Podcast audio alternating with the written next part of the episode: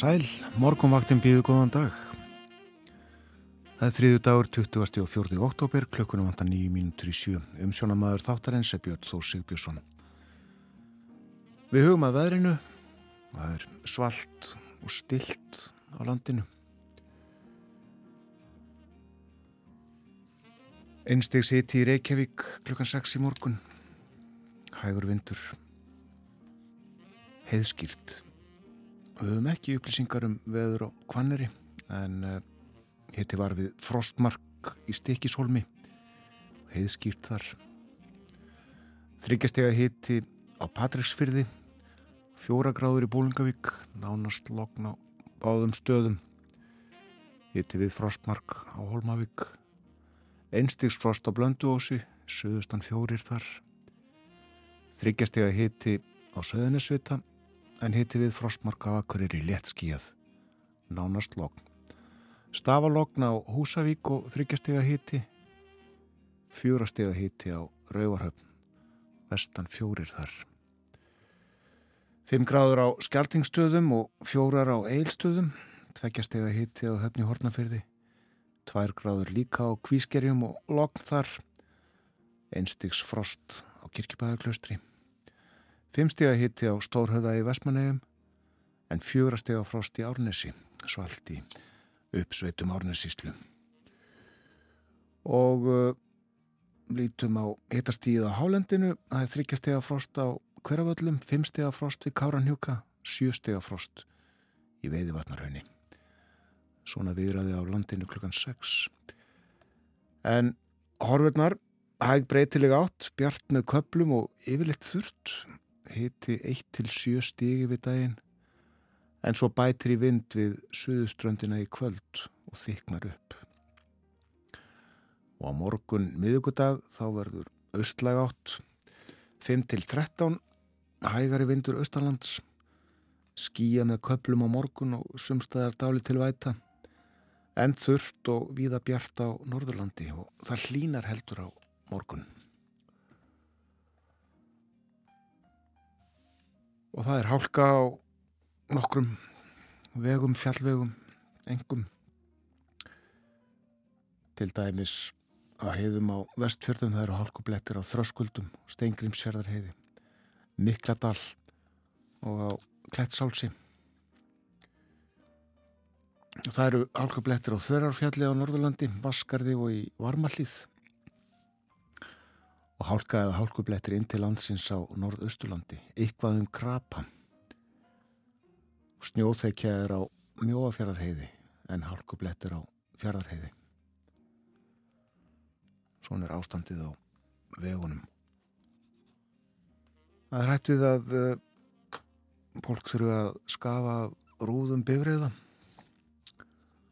Árum það leggur á stað í morguns árið.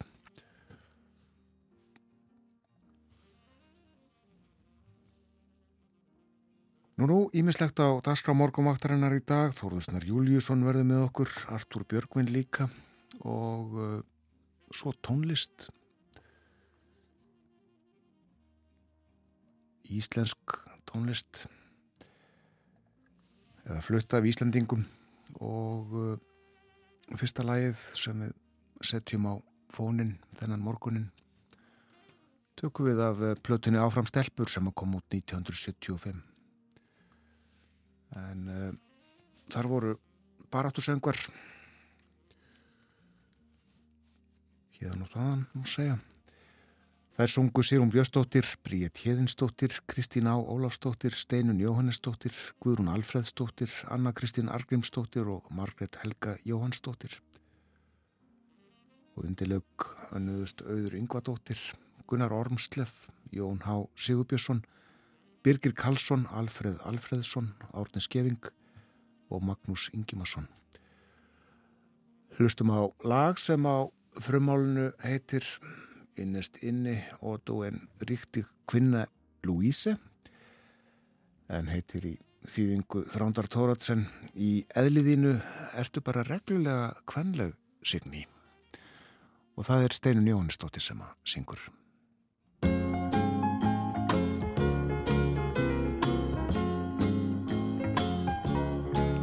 Ég laug stúdansprófi létt, létt mig varða jafnan rétt. Í háskólanum las ég lög, við lóki kynna fergi rög, en svo er ég giftist gumma, þá gall við þessi lumma. Í eðli þínu ertu bara reglulega kvenleg signi.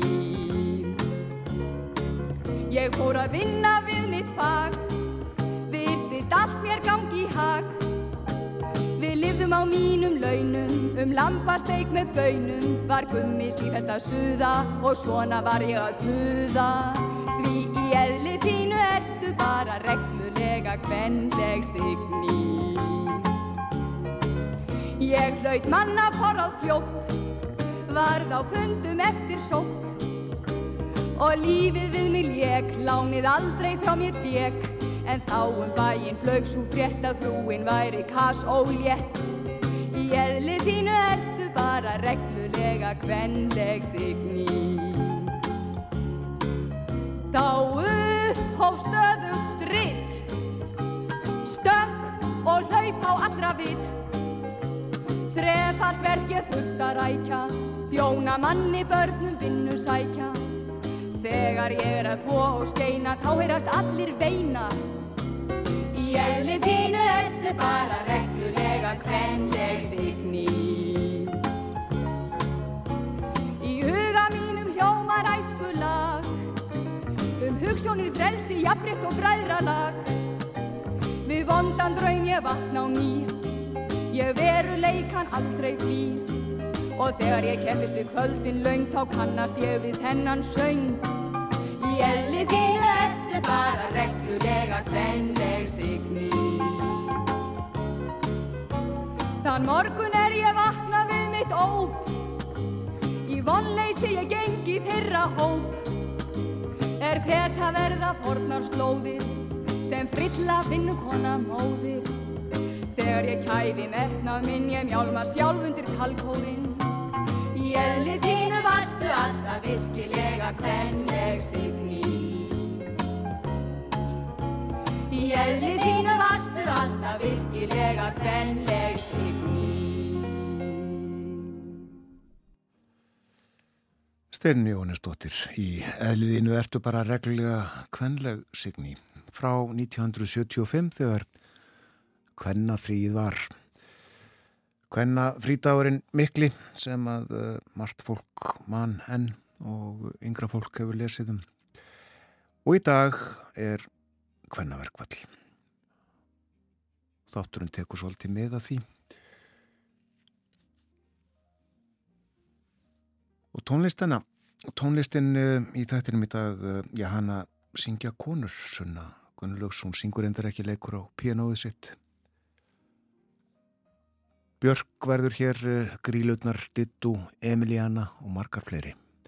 En frettirnar eru framöndan á morgunvaktinni.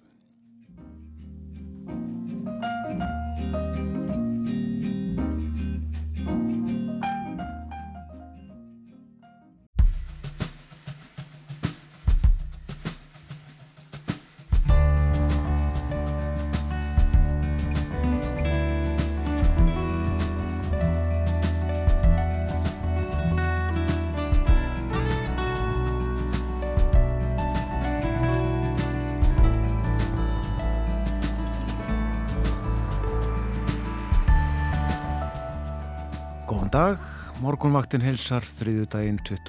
og 4. oktober. Umsjónamaður þáttarins er Björn Þór Sigbjörnsson. Þórustar Júliusson, rétt stjóri heimildarinnar verður með mér upp úr halv átta. Við spjöllum um efnahag og samfélagi eins og jafnan á þriðudagsmornum. Og á dagskrá í dag er gangurinn í rekstri þeirra fyrirtækja sem að byrt hafa uppgjör fyrir síðasta ásfjörðung. Og svo í tilhundum dagsins konur í framvarðasveit atvinnulífsins. Hvað ætli konur stýri mörgum fyrirtækjum sem skráður í kaupölluna? Ræðin það og fleira á eftir. Og þýskmálefni verða á dagskrá tilkynnt var um stopnun nýs flokks á vinstri væng stjórnmálana í Þýskalandi í gær. Stjórnmálaskýrendur telja líklegt að vinstri flokkurinn delinge loknist út af í kjölfarið. Artúr Björgum Bodlasson gerir grein fyrir þessu í Berlinaspjalli eftir morgunfréttir og hann segir líka frá róstursömmum útifundum og í framhaldinu umræðum um tjáningafrelsi í Þýskalandi vegna átakana á gasa og jafnbretti kynjana í Þýskalandi verður líka rætt. Í síðasta hluta þáttarins, melli hálf nýju og nýju, verður leikinn tónlist. Við setjum á fónin lög með nokkrum íslenskum söngkonum sem hafa viljað okkur um hjertarætur. Og það verður ágættis veður í dag, verður hægur vindur á landinu, bjart með köplum eða léttskíjað, yfirleitt þurrt, hitti í dag 1-7 stig yfir daginn, það bæti svo heldur í vind. Í kvöld við suðurströndina og þyknar upp. Og næstu daga er útlitt fyrir að við áttum ekki lagð djúft suður af landinu stjórni veðrinu hjá okkur. Áttin verður þá östlæg, yfirleitt fremur hægur vindur en síðst á landinu mun blása nokkuð með köplum og austanáttinni fylgir lítilsátt að væta um landið austanvert en vestanlands verður lengst af þurrt og það verður fremur myllt í veðri. Útlýtt sem sagt fyrir ágættis veður næstu daga og um, ekki síst í dag þegar útifundir verða haldnir víða um land og uh, viðbúið að verði bísna fjölmennur uh, sá sem framfer á Arnarhóli. Já, uh, það er kvennaverkfall í dag. Og það mun vitaskuld hafa ímis áhrif á samfélagið, röskun á, á starfsemi, alls konar starfsemi. Skólastarf uh, til dæmis uh, með við ofinum legum hætti og sumstaðar skólar lokaðir hennilega helbriðistjónusta líka teki við bráðatilfellum engum til dæmis á helsugjæslu höfuborgarsvæðisins sundlögarna meiraða meina lokaðar banka útibúð þau sem eftir eru ofinber þjónusta einnig skert víða. Og svo mætti áframtælja og finnum þetta ymsar upplýsingar á uh, vefsíðum stofnana og fyrirtækja samantækt á vefsíðum fjölmilana til dæmis rúf.is en uh, upplýsingar um uh, hvennafríð, hvennaverkvallið má finna á vefsíðunni hvennafrí.is og uh, þar er uh, stikla á stóru í sögunni, þetta er uh, í sjötta sinn sem að hvennafrí er. En fyrst var það 1975 og segir í sögu liti stuttu á þessari vefsíðu. 1975 fyrsta kvennafríð 90% kvenna leggja niður störf á degi saminuðu þjóðana og þetta var endur tekið 1985 með öðrum hætti þó. Yfirskriftin konur stöndum saman. Konur komu saman á lækjatorki við um, endalók áratugs kvenna. Og 2005 þá var yfirskriftin konur höfum hátt. Þá lögðu konur niður vinnu klukkan 14.08 til að mótmæla kynbundnum launamenn og 2005 lögðu konur niður störfi fjórðasinn og þá 14.25 sjónum uh, útifundar beintað kynferðisofbeldi já það var uh, gengið út af vinnustöðum gengið út gegn kynferðisofbeldi. 2016 var uh, yfirskriftin Kjara jafnrétti strax. Konur geng út af vinnustöðum 1438 og uh, börðust fyrir Kjara jafnrétti fundir eða samkomur á 20 stöðum á landinu. 2018 þá gengur konur út 1455, þetta var í kjölfar MeToo-byltingarinnar og uh, yfirskriftin breytum ekki konum, breytum samfélaginu. Og nú 2023 þá uh, munum konur og kvár leggja niður störf í allan dag. Það má segja hvernig varkvallið hafi hafist á miðnætti. Og mótmælt er vanmati á vinnuframlegi hvenna og kynbundnu ofbeldi og yfirskriftin kallar þetta jafnrétti. og viðburðir víða útifundur á Arnarhóli í Reykjavík hefst klukkan 2 á uh, Akureyri Kvennaverkvall á Östurlandi samstuðufundur Kvenna og Kvára. Hann fer fram í Neskjöpstað Kvennaverkvall á Blönduósi sínum samstöðu segja þær í Dalabygð Þögnum Kvennakrafti er yfirskrift samkominnar á Dalvík. Konur koma saman á djúpavogi. Það er Kvennaverkvall á Ströndum.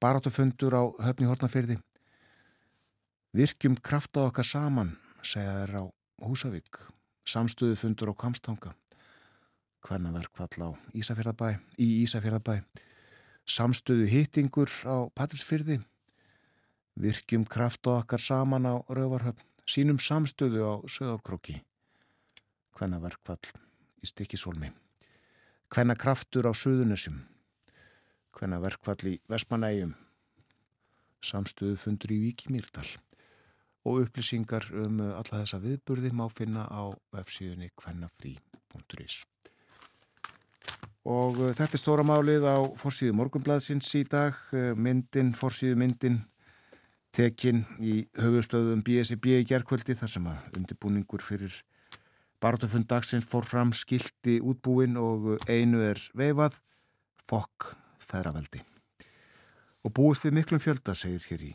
fyrirsögn og uh, rétt hér við Sonjýr Þorbergstóttur formann BSIB hún saði í samtali við morgunblæði gær það gengur allt ótrúlega vel og við finnum fyrir mjög góðri stemningu og mjög góðum viðbröðum hvort sem það er fólk eða atvinnureikendur það virðist bara vera þannig að þegar kallað er til hvenna verk vals þá er kallinu svarað Stóra breyða myndin er svo að við finnum fyrir gríðarlega jákvöðum viðbröðum hjá nær öllum hér á landi. Nú, uh, fleira, það er fjallað hér um fyrirtækið Marel, svo við vikjum að uh, öðru, allt öðru. Sagt frá hagnaði fyrirtækisins á þriði ásfjörðungi, hann uh, namn um 10 miljónum evra og jógst á milli ára. En það var greint frá því á F-síðunni MBL í gæra að erlendir aðelar hefðu á liðnum dögum og vikum þreifað fyrir sér um fjárfestingu í Marel með það fyrir augum að eignast meiri hluta í félaginu eða, félagiði heilt.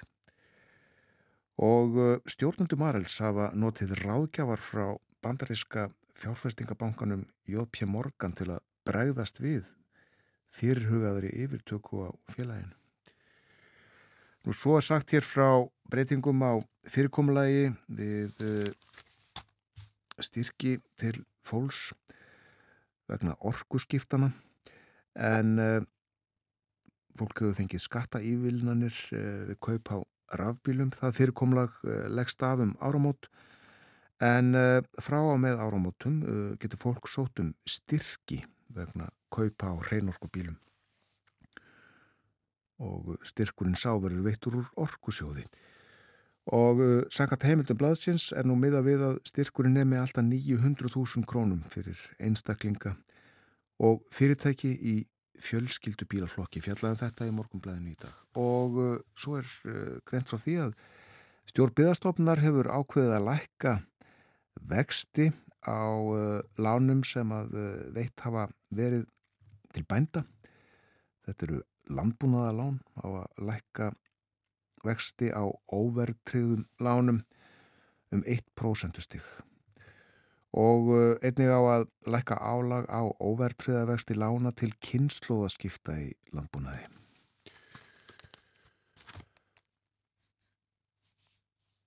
Við setjum lagafónin hlustum á sunnu Gunnlaugs nýla lag frá henni það heitir uh, suddenly autumn.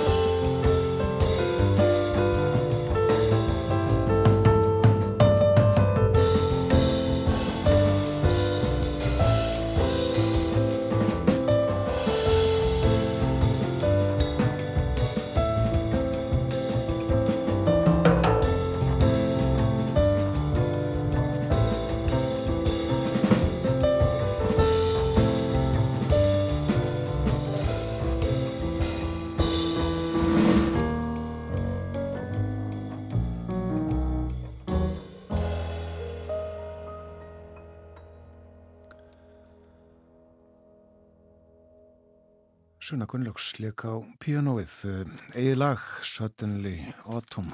Já, allt í einu kom höstið meðinni, Þorgrimur Jónsson á kontrabassa og Scott McLemore á trómur það var hljóðritað á síðasta ári. Eitt stóð út af þegar ég leiti morgunblæðið á hann það er frétt inn í blæðinu sem að Sigurður Ægjesson fréttarittari blæðsins á Siglufyrði prestur þar og fuggla áhuga maður skrifar um uh, mikinn fjölda rakningsfuggla sem að nú gistir Ísland. Þeir bárust upp til landsins í kvassviðrinu á dögunum, segir hér. Og uh, meðal annars hefur sérst hér barspæta en engin núlefandi fugglaskoðari hafði séð barspætu á Íslandi áður en förstu dagurinn 20. oktober síðastliðin rann upp. Þá kom svo fyrsta í heimsókn í Garð af heiðarhraunni 16 í Grindavík þar sem hún gæti sér á mör og öðru feitmeti og var að öllum líkindum orkunni fegin og uh, þessi tegund barspæta hefur síðan sérst á nokkrum öðrum stöðum. En uh, þeir skipta tögum fuglarnir sjálft séðu sem að uh, bárust hinga með uh, vindinum og uh, hann nefnir þessar tegundir uh, bláskotta, dómpápi, dvergtittlingur, herfugl, peðgrýpur, húmskríkja, bjartægri, bókfinga, dvergkráka, dvergsnýpa, fjallafinga, fjörusbói, flekkugrípur, garðsöngvari og gransöngvari og uh, svo heldur þessi upptalning áfram og áfram og áfram. Við hlustum á annar lag og uh, tökum það af plötu sem uh, kom út fyrir tveimur árum heitir Nightjar in the Northern Sky. Nightjar er fuggl, náttfari heitir henn á íslensku, má segja að platan heiti á íslensku náttfari á norður himni. Anna Greta Siguradóttir gaf út og uh, hún uh, flyttur okkur hér lægið Mountain.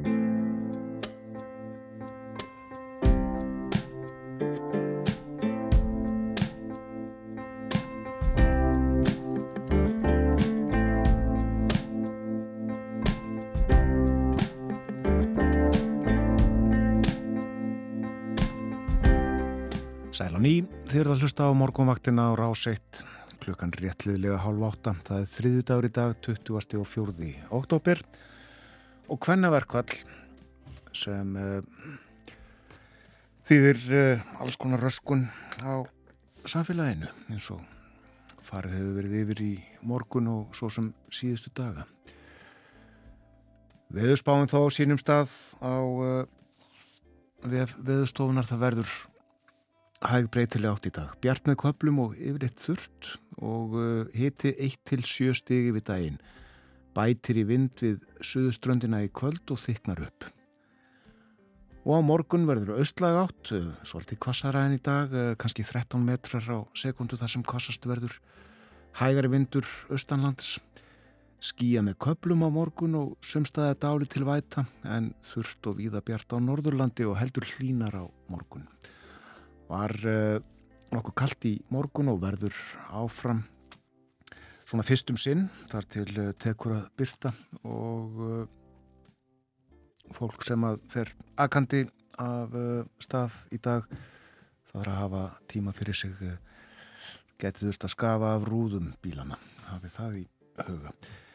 Aðeins kannski að hittast í nokkrum borgum sem að við skoðum stundum að gamni svona morgunni dags, það verður 12 stíga hitti þegar hlýjast verður í Kaupmannahöfn í dag. 7 gráðu hitti í Óslo 6 stígi í Stokkólmi og 3 stíga hitti í Helsingi 10 stíga hitti hins vegar í Þósöfni Færiðum þegar hlýjast verður. Hitti við Frostmark í Núk á Grænlandi. Það má búast við 16 stíga hitta í París 15 í Lundunum 14 gráðum í Madrid en 25 stíga hitta í Róm Ég minni á að Artur Björgum Bodlason verður með okkur eh, Berlínar spjall á sínum stað á morgunvaktinni eftir fréttinnar klukkan 8 en uh, nú er sestur hér Þórðursnar Júliusson reittstjóri heimildarinnar við uh, spjöllum um efnahag og samfélag hér næstu mínútur. Góðan dag. Góðan dag. Við ætlum að byrja á að tala um uh, konur í atunlífinu, konur í framvarðasveitum atunlífsins og líka eitt og annað er varðar stöðu kynjana, uh, óleiðréttan launamun og fleira slíkt. Ég nefndi það hér fyrir kynningu að við myndum uh, fara yfir það hver margar konur stýra fyrirtækjum sem uh, skráð eru í kaupöll. Það eru bísnafáar, miða við kallana allavega. Já, það eru 30 fjölu sem eru skráð á báðamarkaðina og eins og ég skil það núna eftir sammenningu vís og og Fossa þá er, er Haldur Þórðarsson eh, fyrir fórstjóri Fossa fórstjóri samstæðuvís. Og þá vantarlega efstur í gókunrunni þar og Guðni Helga sem var fórstjóri vís e, þar fyrir neðan. Þannig að ef að sá skilningum minn er réttur þá eru þær tvær eftir núna eftir að hafa verið fjórar um tíma. Því að auk þess hefur auðvitað Birna Einarstóttir e, sagt starfu sínu lausu sem hérna bankastjóri Íslandsbanka og, og, og kallmaður tekið við að henni. Þannig að þá er hlutfallið þannig að það eru 28 kallar og, og tvær konur 93% kallar. Já. Eh, Magnur Tryggardóttir stýri Nova og uh, Ásta Fjellsteð Festi sem að við uh, ætlum að nefna þess hér á eftir. En það er já þessi óleiriðti launamunur sem að uh, það er tölver talað um þessa dagana sérstaklega Já, það er þannig að óleðrættur launamunur uh, í fyrra, sangkvæmt tölur sem Hagstofan byrti ekkit alls fyrir lungu, uh, var 9,1% uh, og dróst saman á milli ára, var 10,2 árið 2021 sem var reynda mjög, mjög óvinnulegt ár árið 2021 og 2020 vegna faraldusins. Uh, og uh, það sem var átt við með óleirættum launamun þá er það að áður en að það er leiðrætt fyrir hlutum eins og vinnutíma uh, reynslu, eðli starfa eðli verkefna og svo framvegis. Það eru þetta likur alveg fyrir bara vegna þess hvernig manginni fjölga sér að kallar vinna nú oftar uh, meira yfir, yfir starfsæfina en, en konur vegna þess að konur ganga með börn og og uh, alla tölu benda til þess að er uh, takið sér meira leifi frá störfum til þess að sinna þeim börnum. Uh, þannig að hérna, þetta er svona áður en að það er beitt eitthvað skona leiðrættingaformúlu á, á það og þegar uh, búið er að leiðrætti fyrir þá mingamunurinn en, en, en þetta er nú samt sem áður alveg ennþá sláandi mikill munur þrátt fyrir að hann hafi minkað umtalsvert á undafötnum árum 9,1% í heild. Svo er stundu talað um óútskýrðan launamun Já, Þá er búið að taka tillit til þessa sem Rétt. þú nefndir á hann uh, og uh, munurinn er mestur í fjármála og, og dringastarðsemi, 26,2% munur á launum kalla og hvenna þar. Uh, og það auðvitað kannski kemur ekkit rosalega mikið óvart, það er mjög uh, fjármála geirin er mjög kallægur kallar eru mun líklegri til þess að vera stýra fjármagni og uh, það hefur áhrif á þau verkefni sem fá fjármagn. Eh, þá eru kallægari verkefni líkleri til þess að hljóta náð fyrir augum kallana sem stýra fjármagninu í þær, þær, áttir. Og við hefum svo sem farið yfir það hér áður að í tíu ár höfum við eh, hjá heimildinni og áður kjarnanum tekið saman um eh, hlutfall þeirra eh, hvenna sem stýra peningum á Íslandi. Og þar er hlutfallið ennþá þannig í síðust útættin sem var gerði í ár að það eru 85% kallar og 15% konur og á tíu árum hefur þetta bara e, auðvitað lagast aðeins en þetta er búið að fara úr rúmlega 90% í 85% og það auðvitað er ekki nóg þegar hortir á e, það að konur eru e, rúmlega helmingur landsmanna. Nei, einmitt. Það er nánast eina skekkjumarka.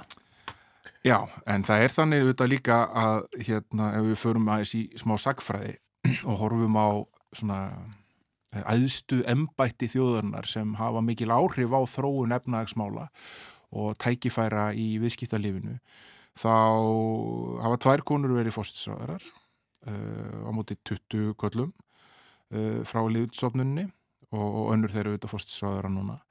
Uh, það hefur engin kona verið selabankastjóri en kallarnir hafa verið 20 stundum nokkrir í einu Það hafa núna þrjár konur verið fjármála og efnagasráðherrar en 24 kallar áður en að Þórtís Kolbrún Reykjörg Gilvardóttir tók við því embætti fyrir nokkrum dögum síðan þá hafði kona verið fjármálaráðherra á Íslandi samtals í tæpa 17 mánuði frá árunni 1944. Tvær. Tvær og þær voru báðar á sama kjörtímbölinu og báðar frekar skamman tíma Katrín Júlistóttir og Otni Harðardóttir. Þannig að hérna, þetta er daldið staðan og uh, ef maður skoðar til, meira til gamans kannski en það hérna, að nota sem eitthvað svona heldrænt viðmið en við nefndum hérna áðan uh, hvernig kynjaskiptingin er í, í þeim sem er leiða fyrirtæki kaupöll og þar voru meðalaun í fyrra held, meðal heldalaun 6,9 miljónir króna. Og munu það að, að yfir 90% fórstjórana þar eru kallar. Uh, ég dró út svona til að vera með eitthvað samaburð uh, mjög svona hefðbundna kvennastjætt sem eru leikskólakennarar, þar sem yfir 90% eru konur, það er að segja fjú, í fyrra voru 4.335 konur störfið sem leikskólakennarar og 493 kallar þar var meðaltal heldalauna 697 krónur, uh, 1000 krónur á mánuði, þannig að það er svona cirka 10% af uh, launum fórstjórana í kaupöld það sem kallarnir eru dominerandi Já Heldur þú Þorður að uh, við munum lifa þann dag að uh, kynja hlutvöldin í fórstjórastólum fyrirtækjana eða köpöldinni verið jöfn? Ég vona það. Uh, en það þarf, held ég, bara rótækar kerfisbreytingar til þess að gera það. Það er allt og mikið af hlutum sem er bara gengið einhvern veginn aðeins og þeir séu bara meitlaðir í stein. Það er öll þessi kerfi eru mannanaverk og það er auðvitað hægt að breyta þeim. Það þarf eiginlega bara svona kannski vilja á smá dirsku til þess að gera það. Og ég segja aftur, ég vona það, en hérna, ég ætla ekki að segja að ég sé alveg rosalega bjart síðan á það. Hugum þá að afkomun okkar fyrirtækja sem að byrt hafa uppgjör á síðustu dögum. Ég nefndi Ástu Fjálstið og Festi hér á þann. Já, við kannski byrjum á uh, hinnum sem ásöluður í sannum högum uh, sem er búin að skila en er með svona öðruvísi uppgjörs ár en, en flestir aðrir og, og gerir upp til dæmis annan ásfjörung bara fyrir sumarmánuðina uh, og þannig að árið er svona frá februar til februar frá fyrsta mars og til loka februar Hvernig stendur þú því? Já, ég, ég man ekki af hver ástæðan er en þannig hefur þetta verið það í lengri tíma og, og þannig verða er bara að fá að hafa það Já, já. Og, og það var hagnaður á, á sumarmánuðunum um 2,1 miljard en það sem vækti aðtikli mína er það að, hérna, að framleiðin hjá högum sem reyka meðal annars bónusveslannar og selja eldsneiti og annars líkt jógst um 18% í krónum talið á milli ára Uh, hagnaðurinn jókst aðeins minna vegna þess að það var svona einskiptishagnaður vegna hérna, fastna þróunaverkirna sem þið tengjast sem uh, kom inn á öðrum í ársjónangi fyrra.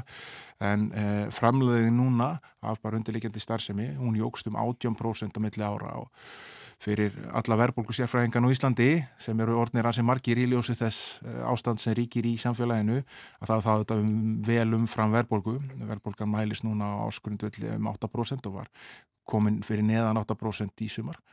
Þannig að hérna e, þarna er eiga sér stað e, tölverð aukning í framlag. Í skýringum e, félagsins kemur fram að það sé meðal annars vegna þess að eldsniti salan sérstaklega til stóra aðela hafi gengið mjög vel. En hérna þarna eru þetta fyrirtæki sem er þess eðlis að, að, að þjóðin er meira og minna í viðskiptum við það eða helsta sangitsaðalæra festi uh, hérna á hverjum einasta deg og uh, hérna eru þetta bara þetta eru 39 maturvestlanir sem eru undir hugum 22 ólistuðar, 45 OB-stuðar, vöruhús, framliststöð netverslun, byrðaverslun sérvöruverslun, þetta er reysastort batteri og festi byrtir ás uppgjöri sitt á morgun en Eh, er búin að byrta uppfarað afkomusbá sem er byrt þegar uh, svona, það gerist eitthvað í rekstri fyrirtækja sem er annarkort að fara að skila betri niðurstuð eða verri.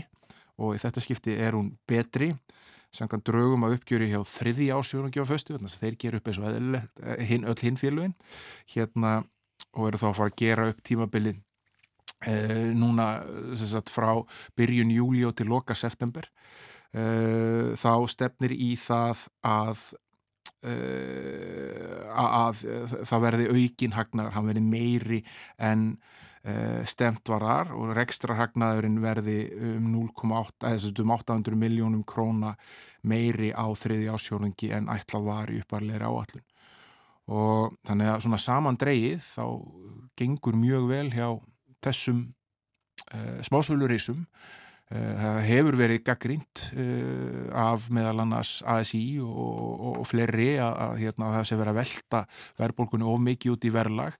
Þessi smásölufélög hafa móti sagt að þau séu ekki að auka framleg sína mikið, heldur sé meðal annars byrjar að hækka umtalsvert og svo séu þetta miklar hækkanir á, á, á, á innflutningi á vörum og annað slíkt uh, en það bendir nú til þess að hérna, þarna sé töluð ból fyrir báru. Já, uh, hagnaðurinn ekst Já, og uh, það er svona, við erum alltaf först í þessum einhvern veginn vítarhing verðbólgunnar og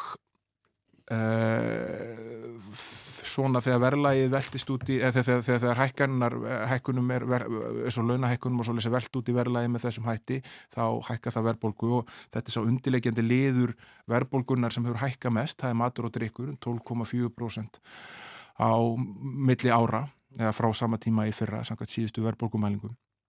Eh, það sem hefur gengið vel að hemja núna í verðbólgu stríðinu er hækkun og húsnæðisverði og uh, það er gert með hækkur stýrivaksta sem gerir það verkum að uh, færri geta keift vegna þess að peningar eru dýrir og, og, og allt þetta og uh, færri geta líka byggt segja, vegna þess að það er líka að taka lán til þess að byggja og nýjar tölu frá HMS sína núna að, að nýbyggingum sem eru á, á, á, í fyrsta fasa er, þeim er að fækku 63% á milli ára.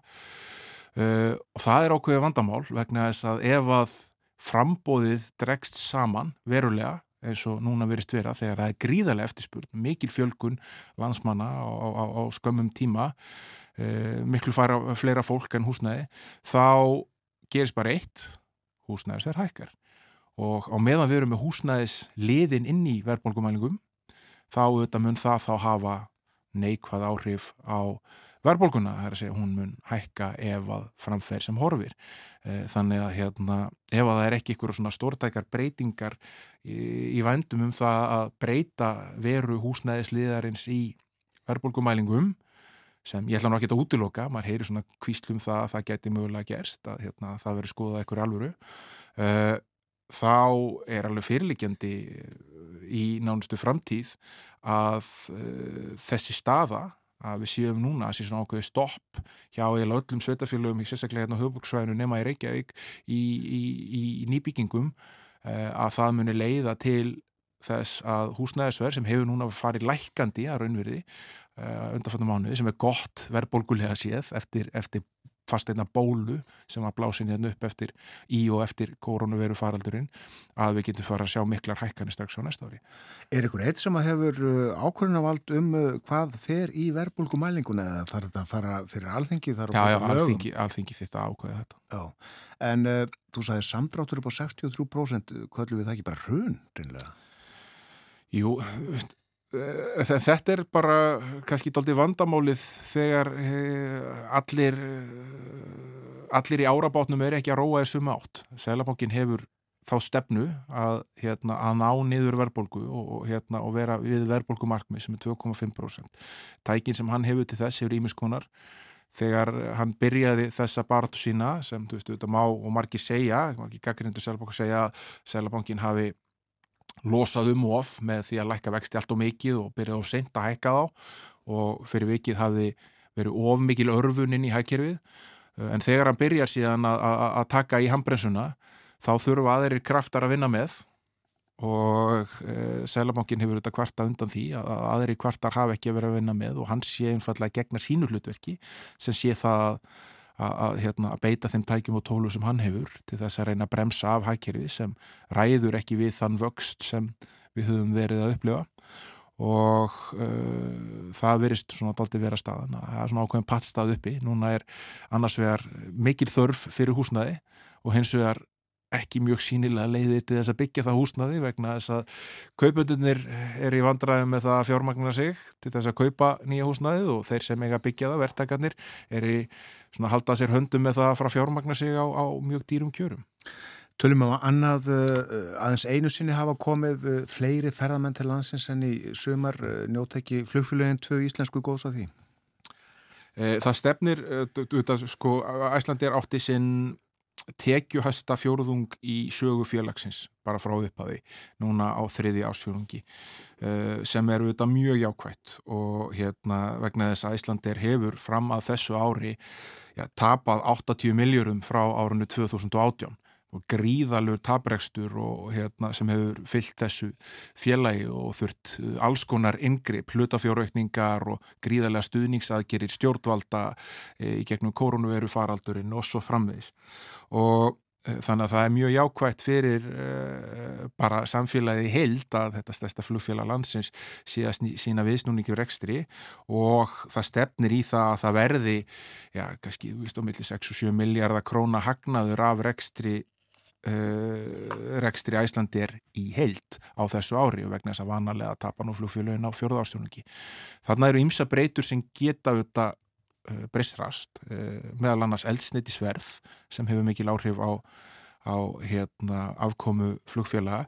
Og þegar það er stríð í heiminum ég tala nú ekki um tvö uh, svona mjög umfangsmikil stríð Eh, sem snerta eh, eldsneitis framleiðendur þá hefur það áhrif. Það getur haft mjög neikvað áhrif mjög hratt.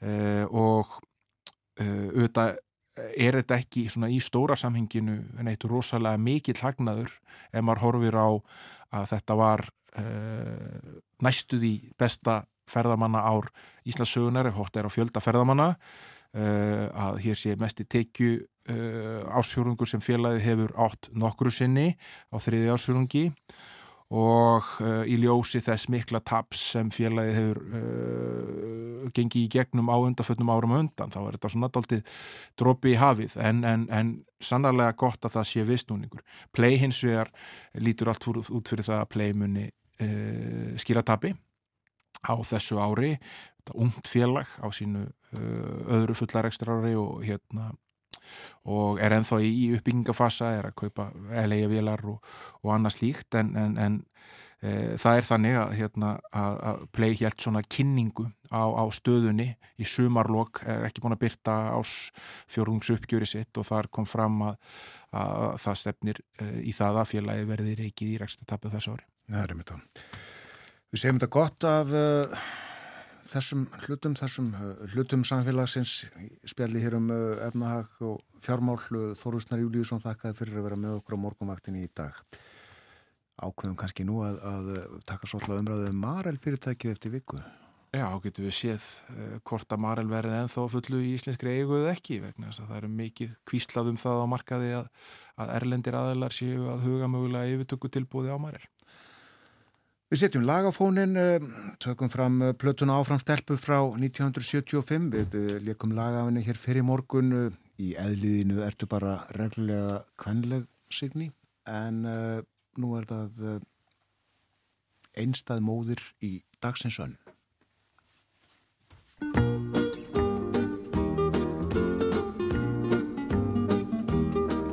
Það var einu sinni móðir sem mætti í dagsins önn Satt marga stund og las í Andres blaði Og innra með sér stuldi hinn sama gamla söng. Því sumir verða halda í skildingin með töng Og spara við sér matinn og spara það og það. Eða sperrast annars tvöfald á sínum vinnustaf Og börnin skilja blanketinn svo illa Og börnin vilja alltaf drasli fylla. Móðirinn var geðbrúð og sagði bara sjá Já svona er að vera einstæð Það er vist eitthvað lögmál að lein mér séu smá. Það leysir engan vanda að slá og slá og slá. Með öfunlausu hjarta ég hrindi burtu sút Og hamast um í störum meðan aðrir fara út. Í félagskap og finnst þeir vera góðir. Í félagskap og finnst þeir vera góðir. Þakka launin sem drottin gaf í dag. Þau duga fyrir nýjum andres blöðum Og fyrir það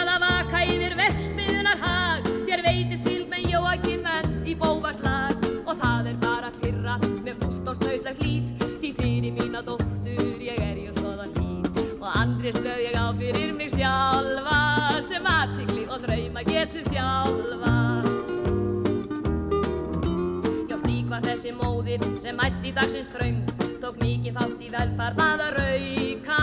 Á daginn eftir vinnu var dóttir hennar svöng En drakk súur í gáttum við eld og störfin söng. Nú matbýr þú að hamast og finnst þú vera frjáls En fjötrar allra tíma þeir liggja þér um háls. Nú þrælar þú að þrælar vegna heimsku En þú mun samt um eilíð allir gleimsku Þá hristi litla mamman dagsins önn og mælti við sig sjálfa hvað skal gera? Því frelsistuðlan gamla er fjarska lítið sönn og félagshyggja og jafnrétti miðar ekki spönn.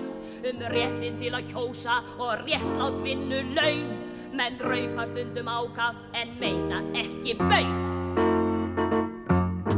Það leggur íldu líkt að þærra orðum menn ljúa þessu núna eins og forðum. Það leggur íldu líkt að þeirra orðum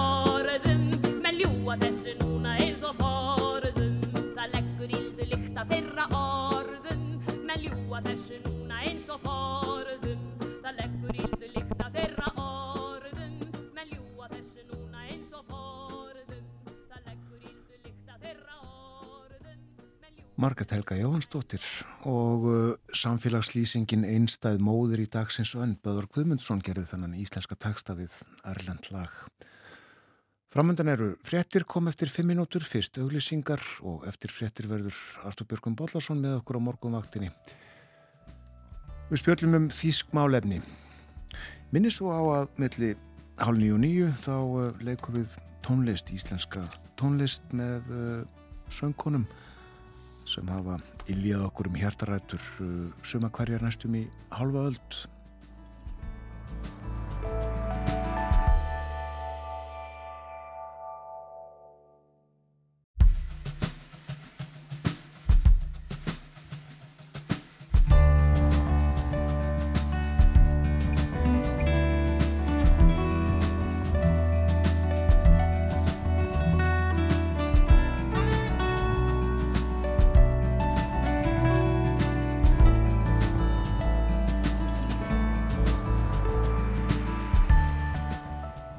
Ný, þetta er morgunvaktin á rás 1, klukkan farin að ganga nýju, það er þriðju dagur í dag, 24. oktober. Hvenna verkvall, eins og við höfum nú nefnt nokkru sinnum í morgun og sagt var frá nokkuð ítalega í fréttonum hér áðan. Og það viðra vel til útifunda um uh, allt land.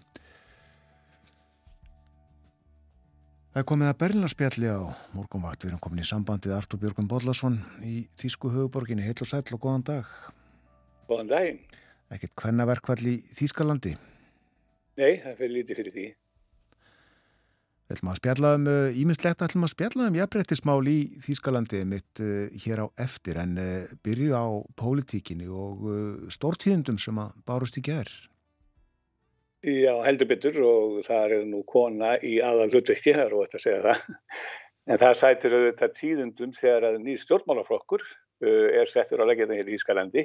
Sérstaklega þar sem að þegar reyndir og þölvanir þingmenn úr öðrum starfandi flokki standa í brunni. Og uh, það hefur reyndar lengi leið í loftun að Sara Wagenkneitt sem undanferðin ár hefur setið á þingi fyrir vinstrið, eða þetta í linke. Hún var með það á prónunum að, að stopna nýjan flokk og í gerðmorgun létt hún svo til skara skrýða. Hún bóðaði til fjölmennsbladamannafundar þar sem hún tilkynnti að nýju flokkurinn tæki formulega til starfa í byrjun næsta árs. Og uh, það væri búið að stopna félag eða undirbúningsnemnd sem verið að ganga frá öllum reglum og, og tilhýðilegum uh, fórsendum til að hægt vera starfrækja flokk. Og jáfnfram gerði hún, sagði hún sér formulega úr vinstrinu, úr því linki.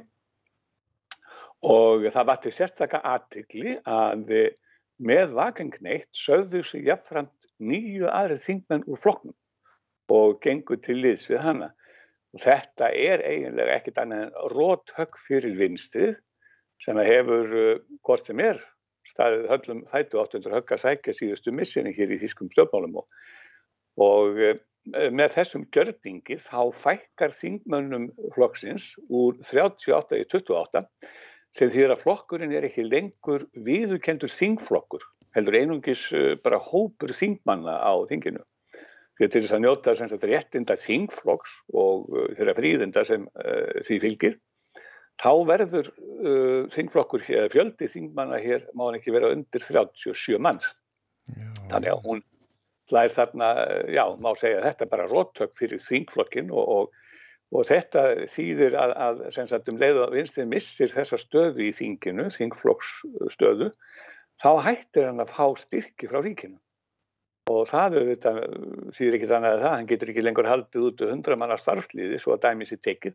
Þetta verður ímsar aðrar afleiningar í förmið sér. En leiðtóðar vinstisins uh, voru því að vonum uggandi um sinn hag þegar að tala við, við þá í fjölmiðum í gerð, en það mikil hætta á því að þessi gjörningur söru vagngneitt eh, leiði til þess að vinstrið loknist hreinlega úta.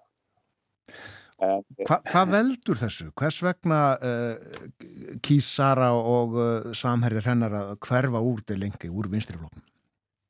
Það er náttúrulega spurning sem að margir velta fyrir sér og, og hérna, hvað vakir fyrir henni og, og hennar fólki og uh, í svona nokkur skona draugum að stefnu yfirlýsingu sem að hún kynnti á bladamannafundunum í gær þá helt Sara Vagnknetti fram að að núverjandi ríkistofn væri svo auðmasta sem að Þískaland hefði upplifað frá stríðslokum og hana skorti alla heldar sín, hún var í gessamlega stefnulegs í orku og umhverfismálum auk þess sem hún heldi fram að stefnan í utanríkis og innflytendamálum var algjörlega glórulegs og hún listi því að vera nýju flokkurinn hennar myndi vinna að auknum efnahagslegum og félagslegum jöfnuði í samfélaginu og auk þess myndi flokkurinn berjast fyrir auknum takmörkunum í innflytjandamálum og breyttum áherslum í auðvitaðismálum. Og það er náttúrulega komið svolítið að kjarnanum í þessum nýja flokki og þeir ætla semst að leggja áherslu á að enda, þar að þeir segja að, að, að það sko, verði að reyna að enda stríð sem geisa og það er fyrst og náttúrulega að tala um úkrænu stríð með samningum í staðis að beita viðskiptasvingunum og útdeila herrgögnum. Uh, þetta er uh, harkalega gaggrinni á, á sagt, uh, stefnu ríkistjóðarinnar, ekki bara í Þýskalandi heldur í öðru vestarri ríkjum, gagvart úkrænumannum. Og í þessum síðastnefndum málum þá skarast hugmyndi nýja flokksins og populista flokksins AFD að mörgu leiti og það er mjög aðtiklisett og Gárungarnir hafa verið að halda því fram að flokkur Söru Vagnkneitt stefnu bara í það að verða eins konar vinstir í útgáfa af alternatífu fyrir Deutschland og það er reyndar Gregor Gysi en að þekktust uh, þingmönu vinstinsins sem henn sittur nú á þinginu og eitt þekkt, já, frægasti leittói þeirra að hann heldi fram í gær að, að þetta væri mjög sérkennileg stefnusgrá því að uh, hún ætlaði sér, uh, Sara Vagnkneitt ætlaði sér sem sagt að, að fylgja auðuríkismála stefnu AFD, alternatífi fyrir Deutschland. Hún ætlaði sér að fylgja efnahagstefnu Ludvíks Erhards sem var kanslari hér í Þískaland á árum áður og eitthvað svona hringlegu stefnu vinstri, vinstri sinns í, í félags- félagsmálum. Já. Og e, þetta er náttúrulega, sko það er alveg ljóst að, og það kom fram á fundunum í gæra að Vagenkneitt ætlar sér að veiða atkvæði frá alternatífu frá Deutschland, Deutschland frá populistunum. Hún sagði sjálf að e, með þessum nýja flokki gætu þeir sem hafa verið að tjósa AFD af hreitni óanægum með ríkistjórnina en ekki endilega vegna þess að séu svo hægri sinna eða aukafullir til hægri eða aukamyndir hægri að þá með þessum nýja flokki þá uh, myndist þeir eignast nýtt pólitist atkvarf hvorki meirinn minna og sem væri í grunninn í grunninn sem sagt uh, jafnaðarflokkur. Og það er segja það er svona vinstri atkvarf fyrir þá sem að hafa uh, fyllt til dæmis í að málum vegna vegna þessa innflýtenda ströym sem margir hafa verið að amast við hér í Þískalandi og Þetta eh, virðist bara hreinlega alltaf hrífa því að minnst kosti einhverju leiti og það var gerð svona skyndi könnun með stuðningsfólks uh, alternatífu fyrir Deutschland í gær og í þessari skyndi könnun kom fram að, að um sjöundi hver kjósandi uh, AFD eða populistaflokksins AFD myndi kjósa að vagn neitt ef það gengi verðileg kostingar nú og það er tölurverðu fjöldi. Og uh, og það er nýjum greindar í þýskum stjórnmálum uh, eftir stríð að stjórnmálaflokkur sé myndaður utan um eina persónu þess að segja því að nýjaflokkurinn stendur og fellur með leituðanum, Söru Vagningreitt og hann er kendur við hana. Það var að verða svona ráðið það hvað þessi skamstöðun á flokkum þýtti BS2 en hún þýði bara það var, því var uppljóst að það ekki er bundni Sara Vagningreitt, það er að segja samtökum Söru Vagningreitt og Það má kannski nefna svona að, að Sara Vagneitt er e, mjög lítríku stjórnmálamæður. Hún hefur um árabir verið eitt svona lítríkasti stjórnmálamaður en það er lítríkasta stjórnmála-kempan hér í Þýskalandi. Hún e, þykir afa raukföst og einarleg í allir framgöngu og hún hefur notið mikill að vinsalda langt út fyrir raðisins eigin flokks og það eru þessar vinsaldir sem hefur að fleita flokknu sem satt áfram og.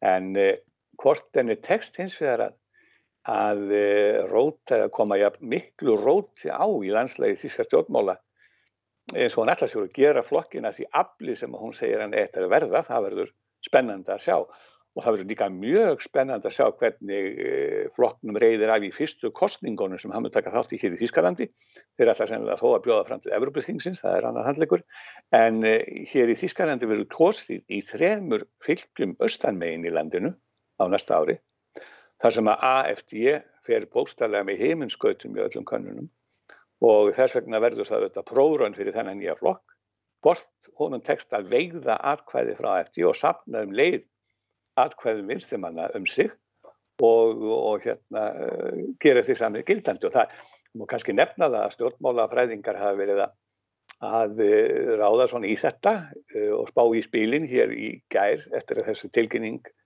þessi bladamannafundur haldinn. Og það er nú bara nokkuð einróma álit þeirra sem að glegst þekka til og hafa lengst fylgst með stjórnmálum hér í Þískanandi að uh, það sé tölverða líkur á því að þessi flokkur sé í fyrsta legi komin til að vera og í öðru legi þá geti hann náða alveg 10-15% um atkvæða í kostningum hér þannig að Þetta verður afskaplega spennend og eh, þýsk stjórnmáli eftir að breytast í kjölfar þessara flokkstofnuna, það er alveg ljóst. Já, það verður áhugavert að fylgjast með þessu. Sara verið lengi á þýska þinginu áður var hún Európaþingmaður ekki satt? Jú, hún satt á Európaþinginu. Hún er náttúrulega, sko, hefur alltaf verið svolítið á skjön við flokkin sinn. Hún er endar að vera kannski að fara í fjölskyldumálunum ofa.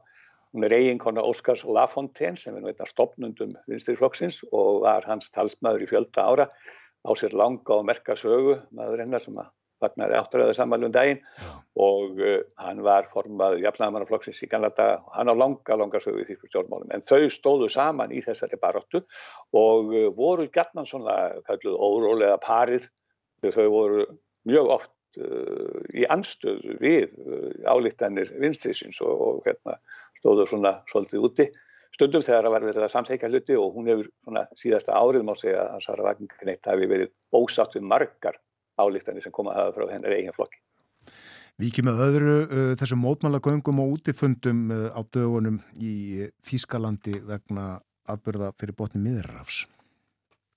Já, það er enda kannski ekki rétt að segja á dögunum því að uh, síðast í gær uh, var órói hér í Þískalandi, hér í Berlín og það er búið að vera mikill órói á göttunum hér í borginni, engum þó í einflýtjenda hverfinu Nói Köln og reyndar víðar undan fann að tvær vikur eða frá því að, hriðiverka Hamas samtöking gerði hriðiverka ára sinna á Ísraði þar sem að úttelt var blóði 1400 ísraelska borgar og aðri 200 þeknir í gíslingu á gasasvæðinu eins og heims byggðin veitt en uh, fljótlega eftir árásin á Ísrael þá hófust hér mótmaragöngur útifundir þar sem stöðnismenn Hamasamtakana bæði Palestínu manna og Hamasamtakana veifuðu mótmaraspjöldum E, með e, áleitrunum sem að fólu í sér tölvið skýðingahatturs og kröfum um að Ísrael síkir er þeinlega jafna við jörðu. Og sömulegis bara líka sí að, að Ísraelskir fánar væru brendir. En e, sko yfirvöldum þóttu þó taka steinin úr þegar að auka sennaður palestínu menn fóru að e, mála Davíðstjörnur á heimkynni og stopnarni gýðinga hér í borginni. Uh, og uh, það skemst að minnast þess að heldur rétt að minna á að það var þess að nazistar derðu í þriðaríkinu forðun daga þegar þeir merklu heimkynni gýðinga og húsin gýðinga byggu í til þess að, til þess að hægar að væri að sætja það heim og, og uh, senda þá í útrýmingabúðir og þessir gjörningar urðu til þess að borgar yfiröld hér í bergin ákvaða að banna útifundi til styrtar málstafpalistinu manna þar sem gera mætti ráð fyrir výorðum að þessu tægi og Þessi ákvörðun allir endar töluverðum degum því að það er afar viðkvæmt mál að setja hömlur á tjáningafélsi borgarana bæði hér í Þískalandi og öðrum vestrænu líraðis ríkjum og skoðanafrelsi er ju eins og við vitum heilagur réttur bæði hér og, og í skildum ríkjum og, og þess vegna er það erfitt fyrir yfirvöld að setja því einhverjar skorður. En e, þetta hafa náttúrulega þau verið mikið fyrir ræðamálinn og, og gríðarlega svona mikið fyrir dispút og löglarði menn hafa blandað sér í þessi mál og bent á þá staðrind að sangkvæmt þýskum lögum þá er algjörlega ólífilegt að flíka e, andúð á geyðingum á almanna færi í Þýskalandi og líka algjörlega ólöglegt að, að flagga táknum sem að nótu voru til þess að ala á geyðingahatri e, á nazistartímanum það er yfir höfuð ólefilegt að vera með táknum á næstistek tímanum og lofti hér í Þýskalandi á almannafæri. Og þetta bann segja lögsbyggingar vegur þingra á metum þegar heldur í málfrelsi þegar þetta tvent rekst á.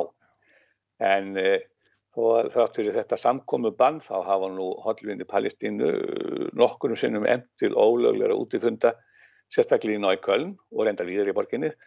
Og uh, þetta hefur verið ansvo órulegu tími síðustu dagar og síðast í gæðsló í brínu milli, uh, milli andósmannar og lauruglunar og í þessum átökum hefur fjöldi mótmælenda, ég held að það sé bara búið að handtaka á annað þúsund mótmælenda síðustu dagana. Og ekki þess að lauruglumenn mun hafa slassast og þetta hefur valdið tölverðum óró á óhug ekki síst meðal gýðinga sem búa hér í Bellinni eins og gefur að skilja.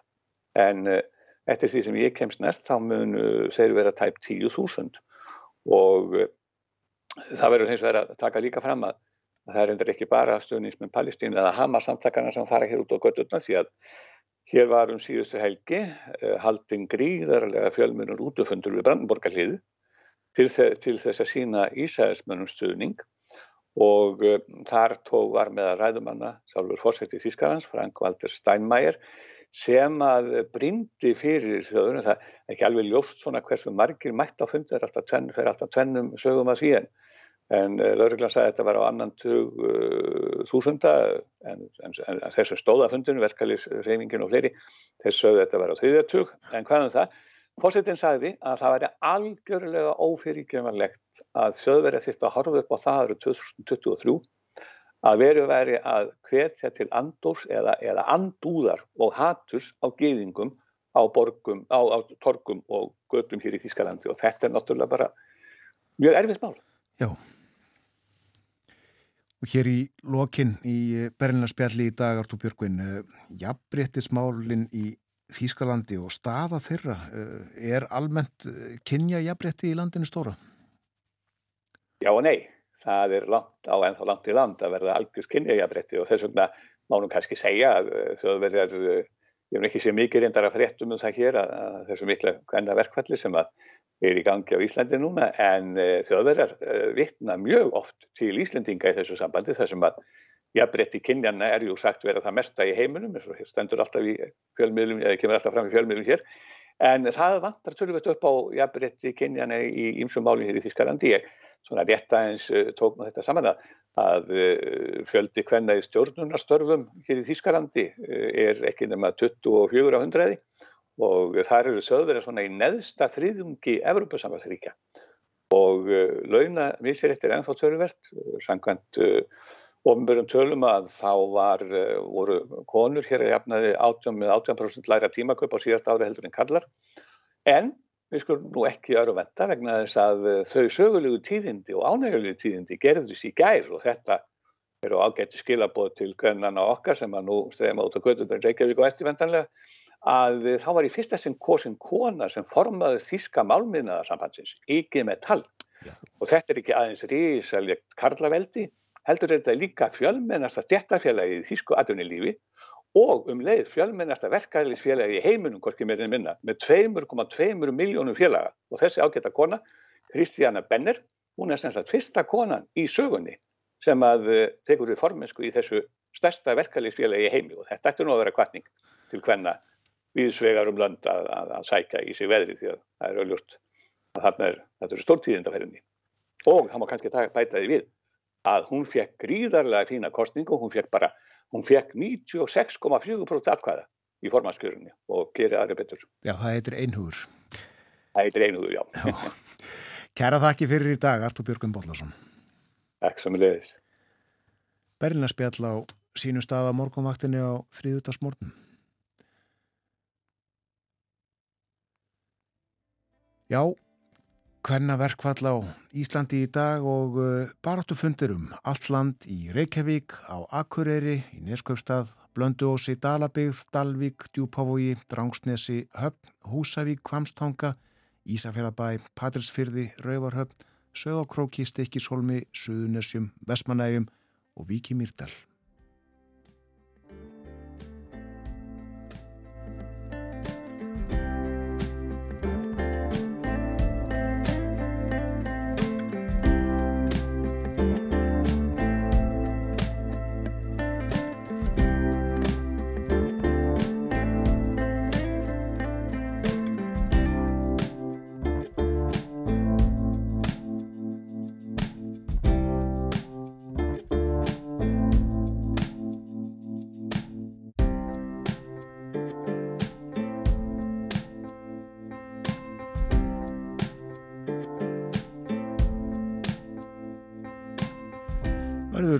Ágættis veður á landinu í dag. Við höfum yfir veðurhorfur dagsins fyrir fólk sem var að vakna. Það verður hæg breytileg átt, bjart með köplum og yfirleitt þurrt.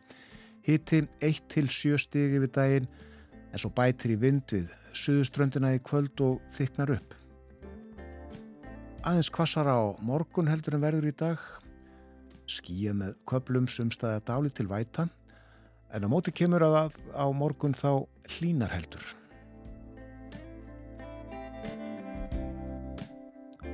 Það líður að yfirliti frétta en eftir það, milli hálf nýju og nýju hér á morgunvaktinni þá leikum við tónlist, hlustum á lög sem konur syngja.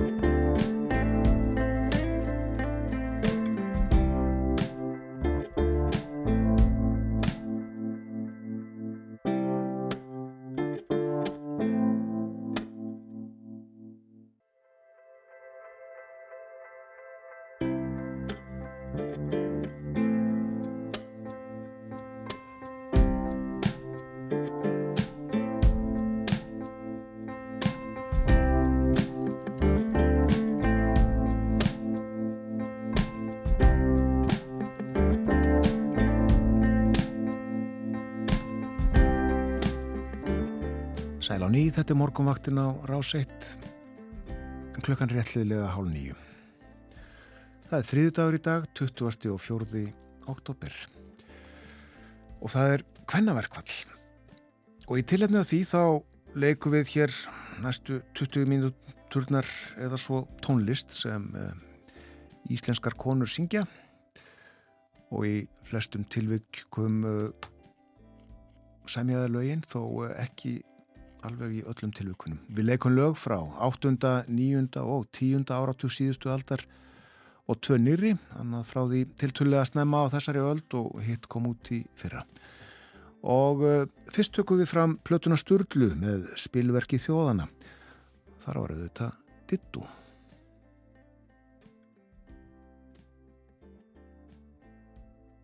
Lesuð eru ekki alltaf svona stressuð maður. Á ég dreg frá, hún er á 5 minútur yfir.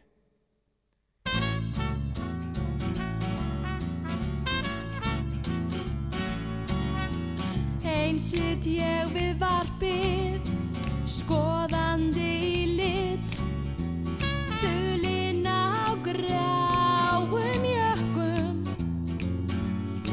Nei sko, nei sko, nei sko,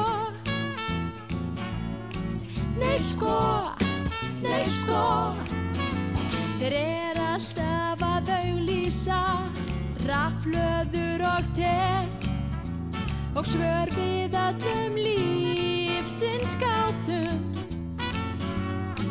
Nei sko, nei sko, nei sko. Nei sko, nei sko, hvað svo? Jú alltaf á fymtu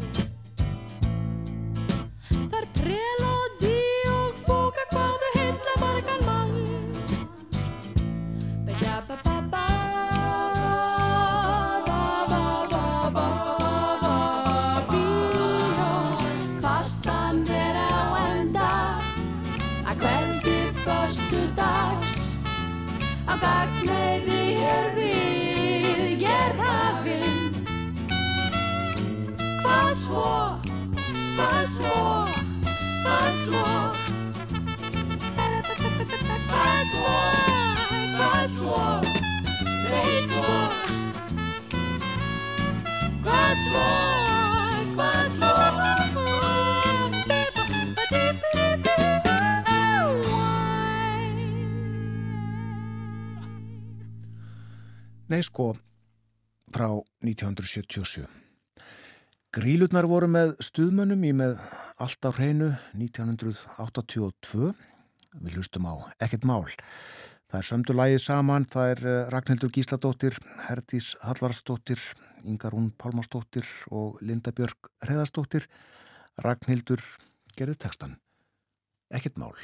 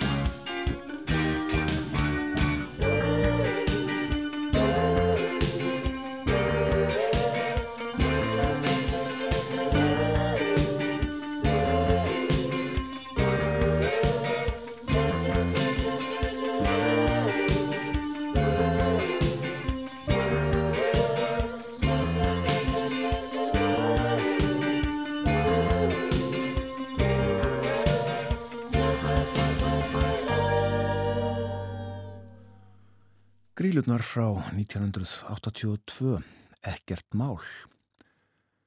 Tímamóturðu í íslenskri tónlist 1993 þegar Björk gaf út plötuna debut. Platanaut vinsældaðum allan heim, Björk var og er einstök. Hlustum á hún að flytja Vínus Asabói.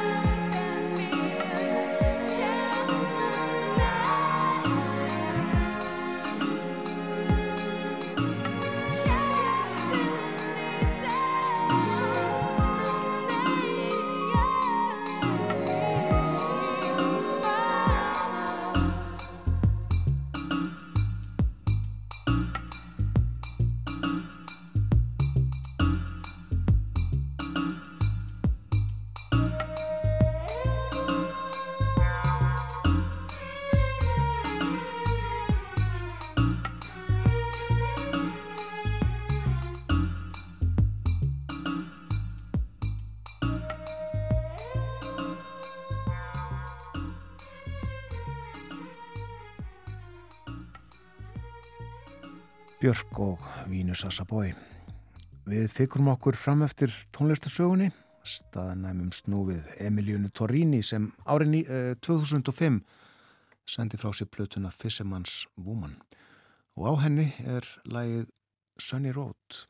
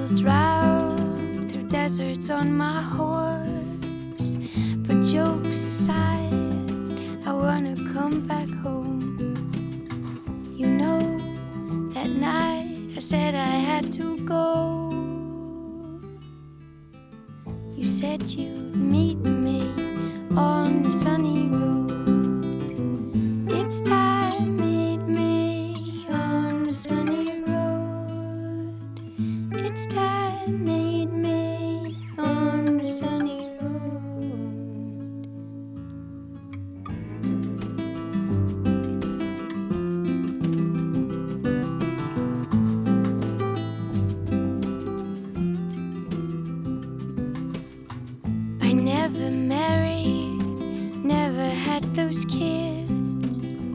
I loved too many. Now heaven's closed its gates.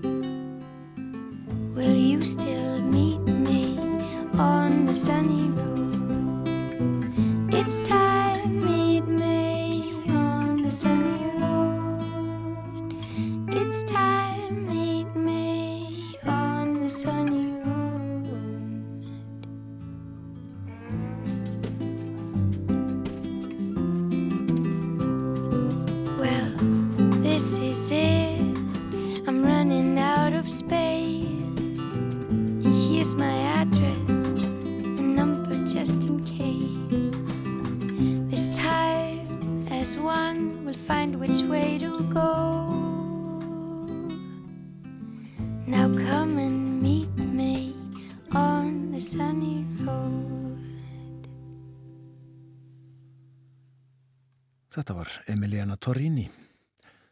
Og að síðustu í þessari tónlistadagskrá morgumaktarinnar í Kvennaverkvalli Una Torfa í Lungumáli.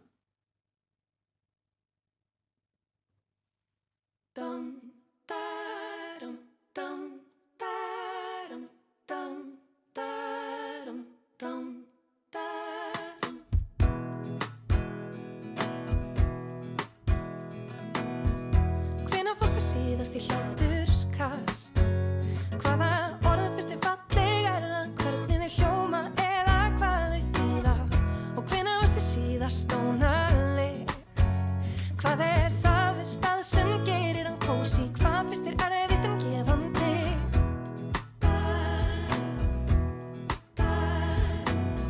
Og hvað fyrst er um sumar á Íslandi?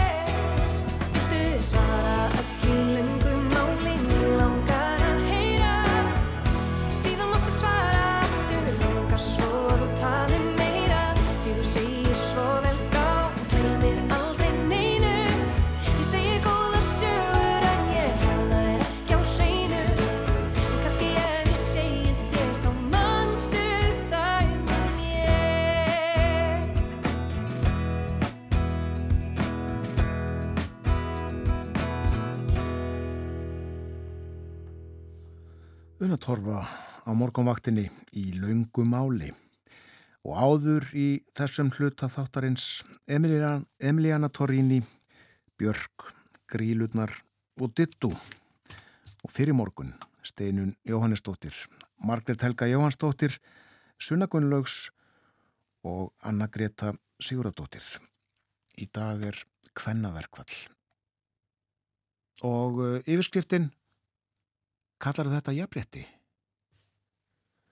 Alls konar staðrendir tekna saman á eh, vefsíðunni Kvennafrí, til dæmis fatlaðar konur verða fyrir meira ofbeldið en aðrar konur. Kvár upplifa sig ekki örug á vinnumarkaði og treysta sér ekki til að vera þau sjálf. Vinnudagar kvenna af erlendum uppruna eru lengri og óreglulegri en annara. Og svo framvegis og svo framvegis. Við krefumst þess að kynbundnu og kynferðislegu ofbeldi verði útrýmt og að störf kvenna og kvára verði metin að verleikum. Morgunvaktin er lokið í dag. Þátturinn verður á sínum staði fyrramáli við bjóðum góðan dag þegar klukkuna vantar tíu mínutur í sjö. En framundan uh, nokkuð óheðbundin dagskrá hjá okkur á Rás 1. Konurnar eru í verkvalli.